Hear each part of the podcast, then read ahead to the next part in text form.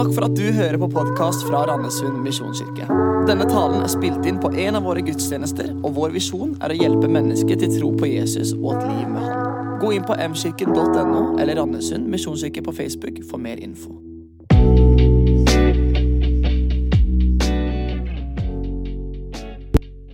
Godt nyttår, alle sammen.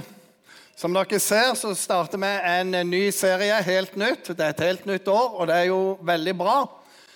Og eh, nå skal vi inn i romerbrevet og se noen søndager framover på det. Bakgrunnen her er som så at det ble planta en menighet i Roma. Fantastisk planting hvor eh, alle typer folk var med. Og det var en stor begeistring der. For Paulus var det veldig viktig. Han hadde òg en tanke om at når de først hadde kommet til Roma, så kunne han òg reise videre til Spania og forkynne evangeliet der. Han var en pioner, så jo lenger ut, jo bedre. Det kom en liten eh, greie med Roma. da. Det var at det kom en keiser som drev ut alle jøder fra Roma. Og I fem år så var de utestengt. Så var de tillatt igjen.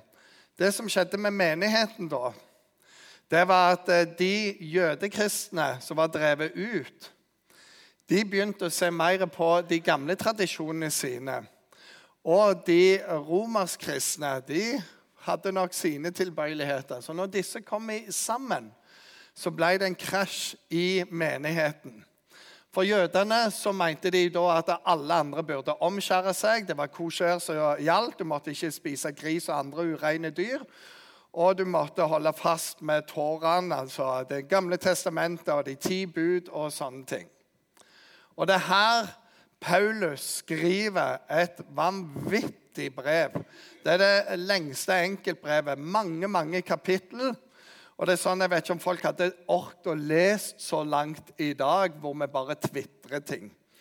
Men han går inn, og, og, så er det sånn, det er helt nytt, og så er det ikke det. For han, det, det er bare basicen av hva vi tror på. Og I dag så skal vi snakke ut fra kapittel 5 om at vi har en helt ny posisjon. Og dette han gjør, da, det er bare å slå fast dette er det som er troen vår. Ikke alle disse ytre tingene. Og Han prøver med det å få evangeliet inn sentralt i menigheten, så det er én menighet. Men det har vært ferie. Og for min del så er ferie fullt av mange ting. En av de tingene er at jeg får tatt litt igjen på filmfronten. For alle filmer jeg aldri har tid til å se ellers.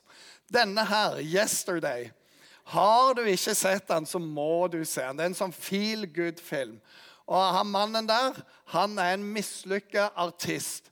Han skriver masse sanger, men de er aldri gode i det hele tatt. Og så er han der at han skal gi opp karrieren, og så bare skjer det et eller annet. Og når han våkner neste dag, så har hele verden glemt bandet The Beatles. Og Han prøver å google, det fins ingenting om det. Men han husker jo sangene. Så han begynner å spille rundt omkring. Og hver sang Første gangen han oppdager det ved tilfeldighet, han får eh, en gitar, og så begynner han å spille 'Yesterday'. Og umiddelbart så ser du bare folk wow. Og så bygger han en ny identitet og en ny karriere rundt The Beatles. Blir med som oppvarmingsband for en av de mest kjente artister. Og han knocker jo han ut, for disse sangene er enda bedre. This is Mozart. Og så, og så, går hele livet. Han vet han lever på en løgn. Og, men samtidig, og så er det et par andre også som har fått det med seg. Og så, så, må du bare se filmen. Men hva om du våkner en dag, og så bare alt endres? Og han blir multimillionær. Han, han får jo de største kontraktene alt. Se filmen. Se filmen. Du vil kose deg. Og faktisk, mange ganger under denne filmen så satt jeg sånn denne filmen kunne jeg ha skrevet. Jeg skjønner hvorfor de lagde den scenen. Så jeg skal slutte så pastor begynner i Nei, det skal jeg ikke. Her er dagens tekst. Det er fra Romerne 5. Og så vil vi fortsette. Neste uke kommer Geir Johannessen her. Da må du komme tilbake med venner, for det er alltid fantastisk når han besøker oss. Da vi altså er blitt rettferdige ved tro, har vi fred med Gud ved vår Herre Jesus Kristus Gjennom Han har vi også ved troen fått adgang til den nåde vi står i, og vi er stolte over håp om Guds herlighet. Og Det var noe med det som skjedde i denne menigheten, at eh, denne separasjonstida førte til at ytre krav kom tilbake igjen. Du må omskjære deg. Nei, det må du ikke. Ja, Du må i hvert fall spise på en spesiell måte. Nei, det må du ikke. Ja, Men du må holde de ti bud. Nei, det må du ikke. For det er en annen ting som gjelder her. Det er at Jesus har gjort alt for oss. Og det forandrer alt. Og foran et nytt år så kan en ha mange nyttårsforsetter, nyttårsønsker. Men det med Jesus, det er når han kommer inn i livet, så forandrer det hele utgangspunktet. Det er en annen virkelighet å leve i. Og vårt utgangspunkt som kristne er at vi har blitt kongssønner og kongsdøtre. Vi har en annen identitet. Vi tilhører en ny familie. Gud er din far, Jesus er din bror. Den hellige ånd bor i deg. Det er et nytt utgangspunkt. Og Derfor er det helt nytt. Og i denne teksten så er det et par ting vi skal se inn i. Det første er dette. Du er erklært rettferdig. Å være erklært rettferdig er noe helt annet enn å være rettferdig. Definisjonen her rettferdiggjørelse er en handling av Gud der han en gang for alle avsier full frifinnelsesdom over synderen som tror på Jesus. En gang for alle. Og så er det viktig det er Gud som gjør det. Det er ingen andre. Og det er ingen andre som kan gjøre det. Men han gjør det. Eh, det står noe i noe av brevlitteraturen om at det er et gjeldsbrev som går imot oss. Det er alt du har gjort, og tenk alt, det blir notert ned av en anklager. Så er det bare det når Jesus hang på korset, så dryppa hans blod over hele det brevet der. Det er umulig å lese det. For våre synder er skjult i Jesu blod. Han tok alt vekk. Så anklageren har ikke noe å komme med. Han tok all vår bagasje med seg på korset. Alle våre synder, all vår skyld, alt det som vi måtte bære på. Og så tilga han det. Han betalte full pris for dine synder for mine. Og så blir vi erklært rettferdige. Og det er én gang for alle. Og det er ikke etter du har gått lang tid, sånn som disse jødekristne sier. Dere må gjøre det først, og så må dere gjøre det, og så må dere leve sånn. Så på startstreken. Der er det gjelder. Når du tar imot Jesus, så sier han der. Ferdig. Du er erklært rettferdig. Du er mitt barn. Du tilhører et nytt rike nå. Og Dette er noe helt annet enn å være løslatt på prøve. For da må du òg se ja, klarer du dette nå. Og Det er ikke sånn med Jesus. Det er ikke noen pekefinger. Han sier bare 'Kom til meg, dere som strever tungt å bære'. La oss legge av oss synden som lett henger seg på oss. La oss bekjenne våre synder, så han kan tilgi oss og rense oss. Det er et helt annet utgangspunkt. Og Det er ikke sånn at dette er en forbedret utgave av deg sjøl. Du blir født på ny. For å bruke bildet noen av oss husker Lada. Det var jo en utrolig herlig kassebil fra Russland.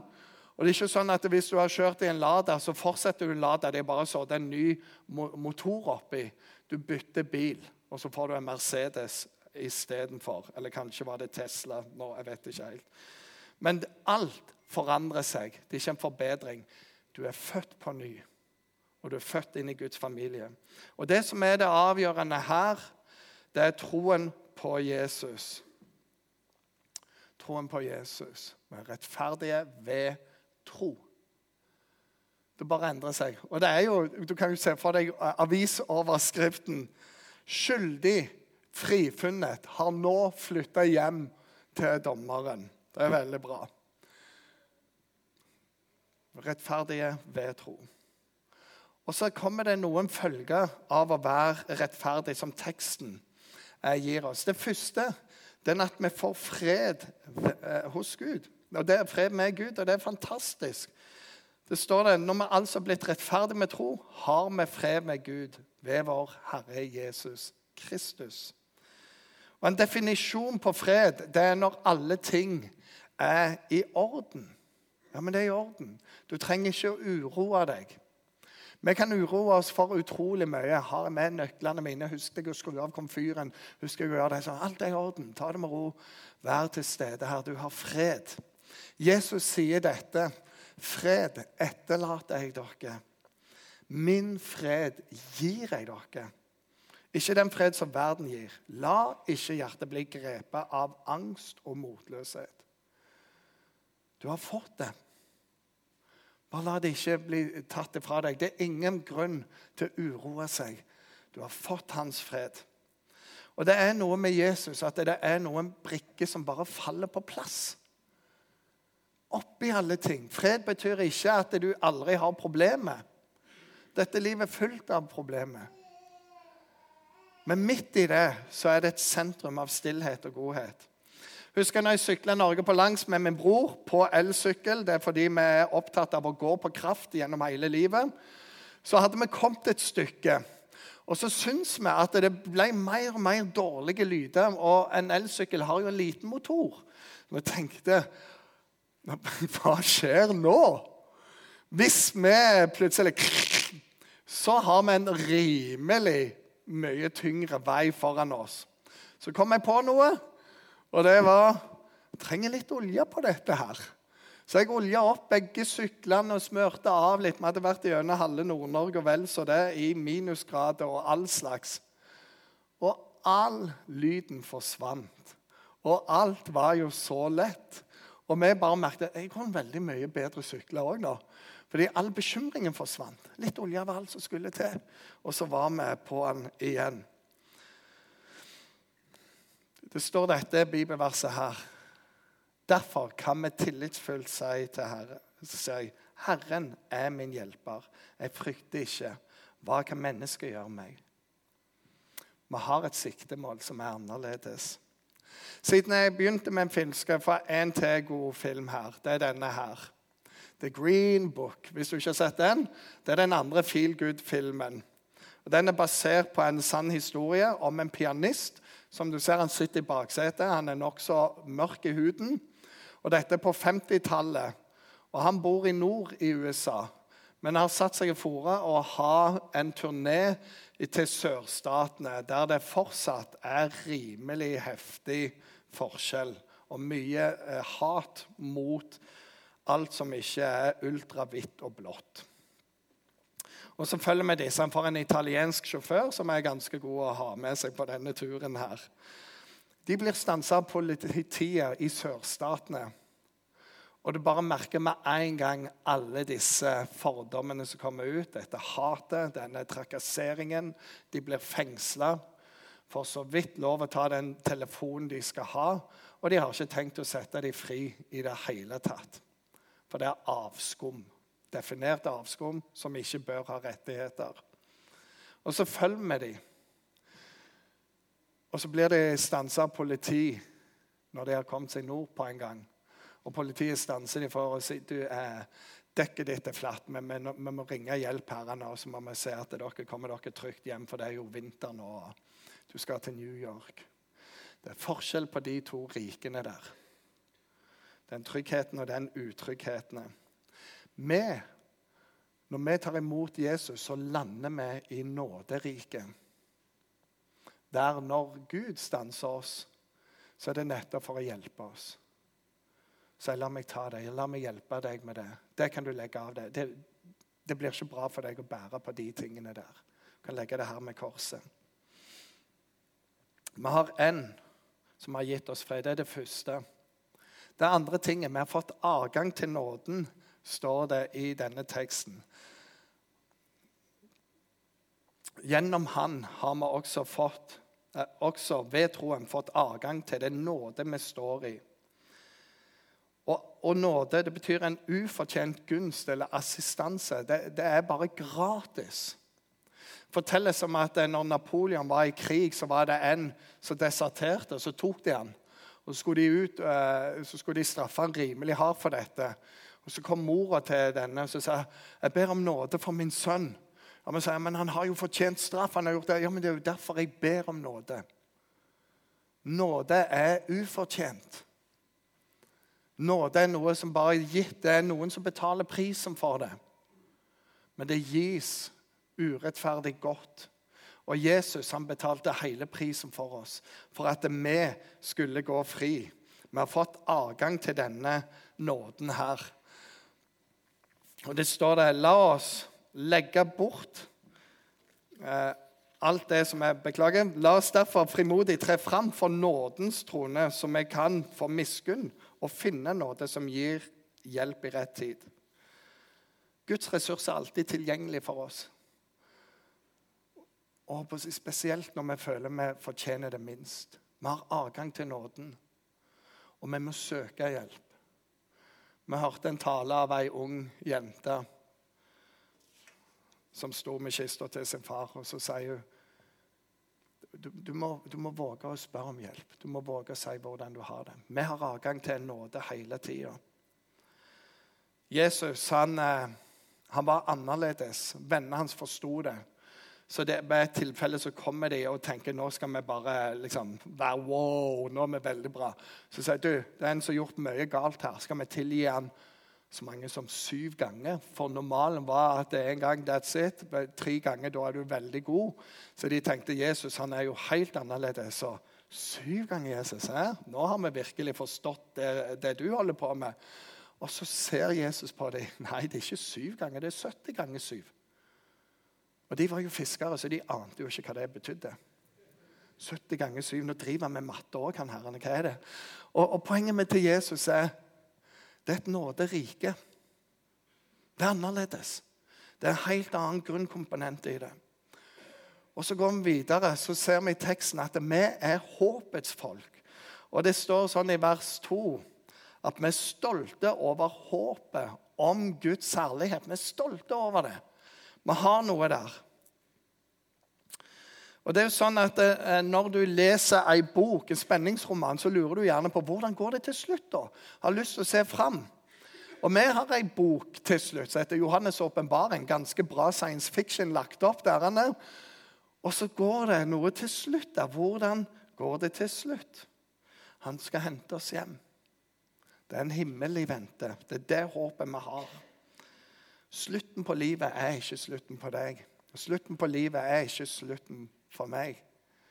Vi lever videre. Og når vi tar imot Jesus, så skal vi få leve videre sammen med han. Og Det er det som gjør at vi holder ut. Det er det som gjør at vi reiser oss opp igjen og fortsetter selv om vi faller. Det er det som gjør at vi ikke gir opp, men at vi ser opp istedenfor. For håpet er der. Og han som ga oss håp, var Jesus sjøl. Ikke noe vi tar oss sammen for, men det var han som ga oss håpet. Og så er det siste punktet her. Det er at det er et nytt og annerledes syn på problemene. Og vi går videre i versene. Det står i Romane 5, 3-5. Ja, ikke bare det. Vi er også stolte over lidelsene. For vi vet at lidelsen gir utholdenhet. Utholdenhet er prøvet sinn, og det prøvede sinn håp. Og håpet skuffer ikke, for Guds kjærlighet er utøst i våre hjerter ved Den hellige ånd, som Han har gitt oss. Og Det er et fantastisk vers her. Noen fantastiske vers.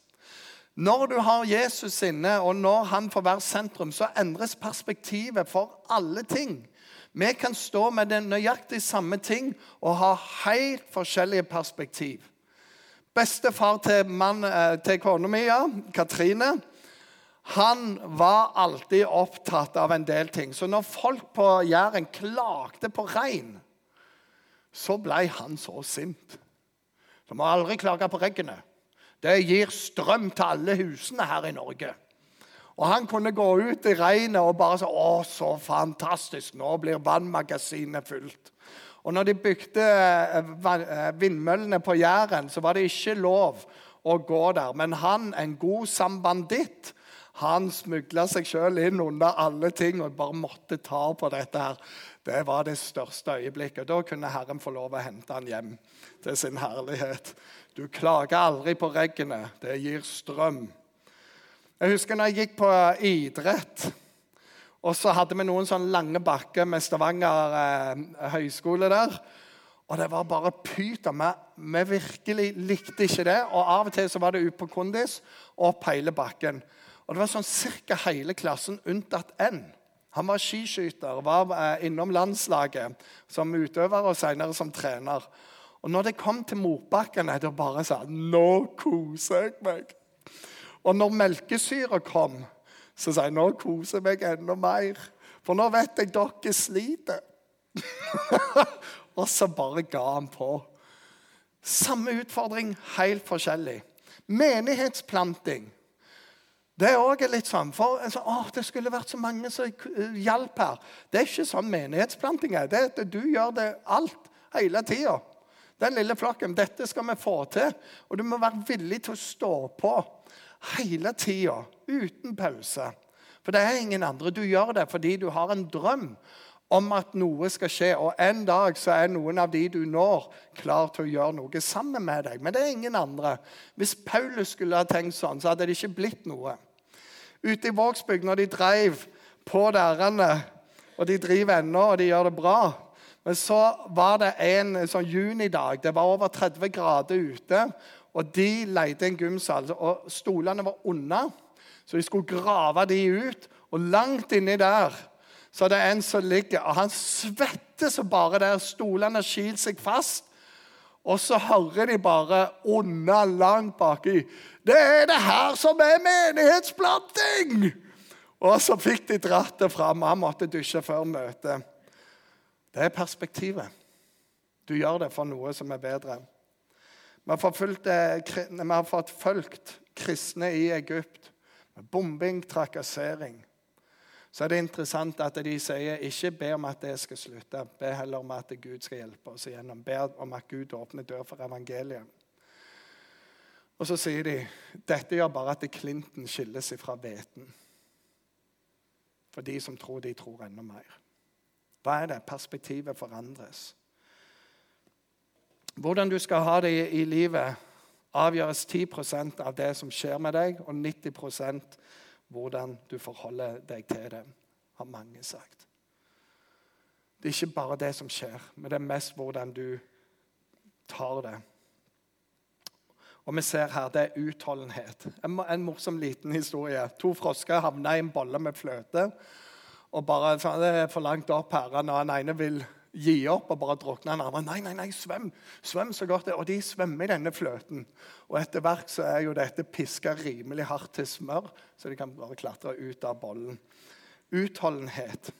Det er derfor de har det i militæret, det de kaller helvetesuke. Fordi du skal strekke deg, tåle mer.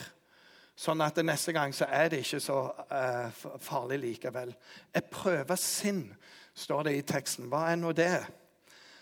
David som vi leser om i Bibelen, han var ganske ung, og det var en ganske så stor kjempe på andre siden som heter Goliat. Han var en kriger.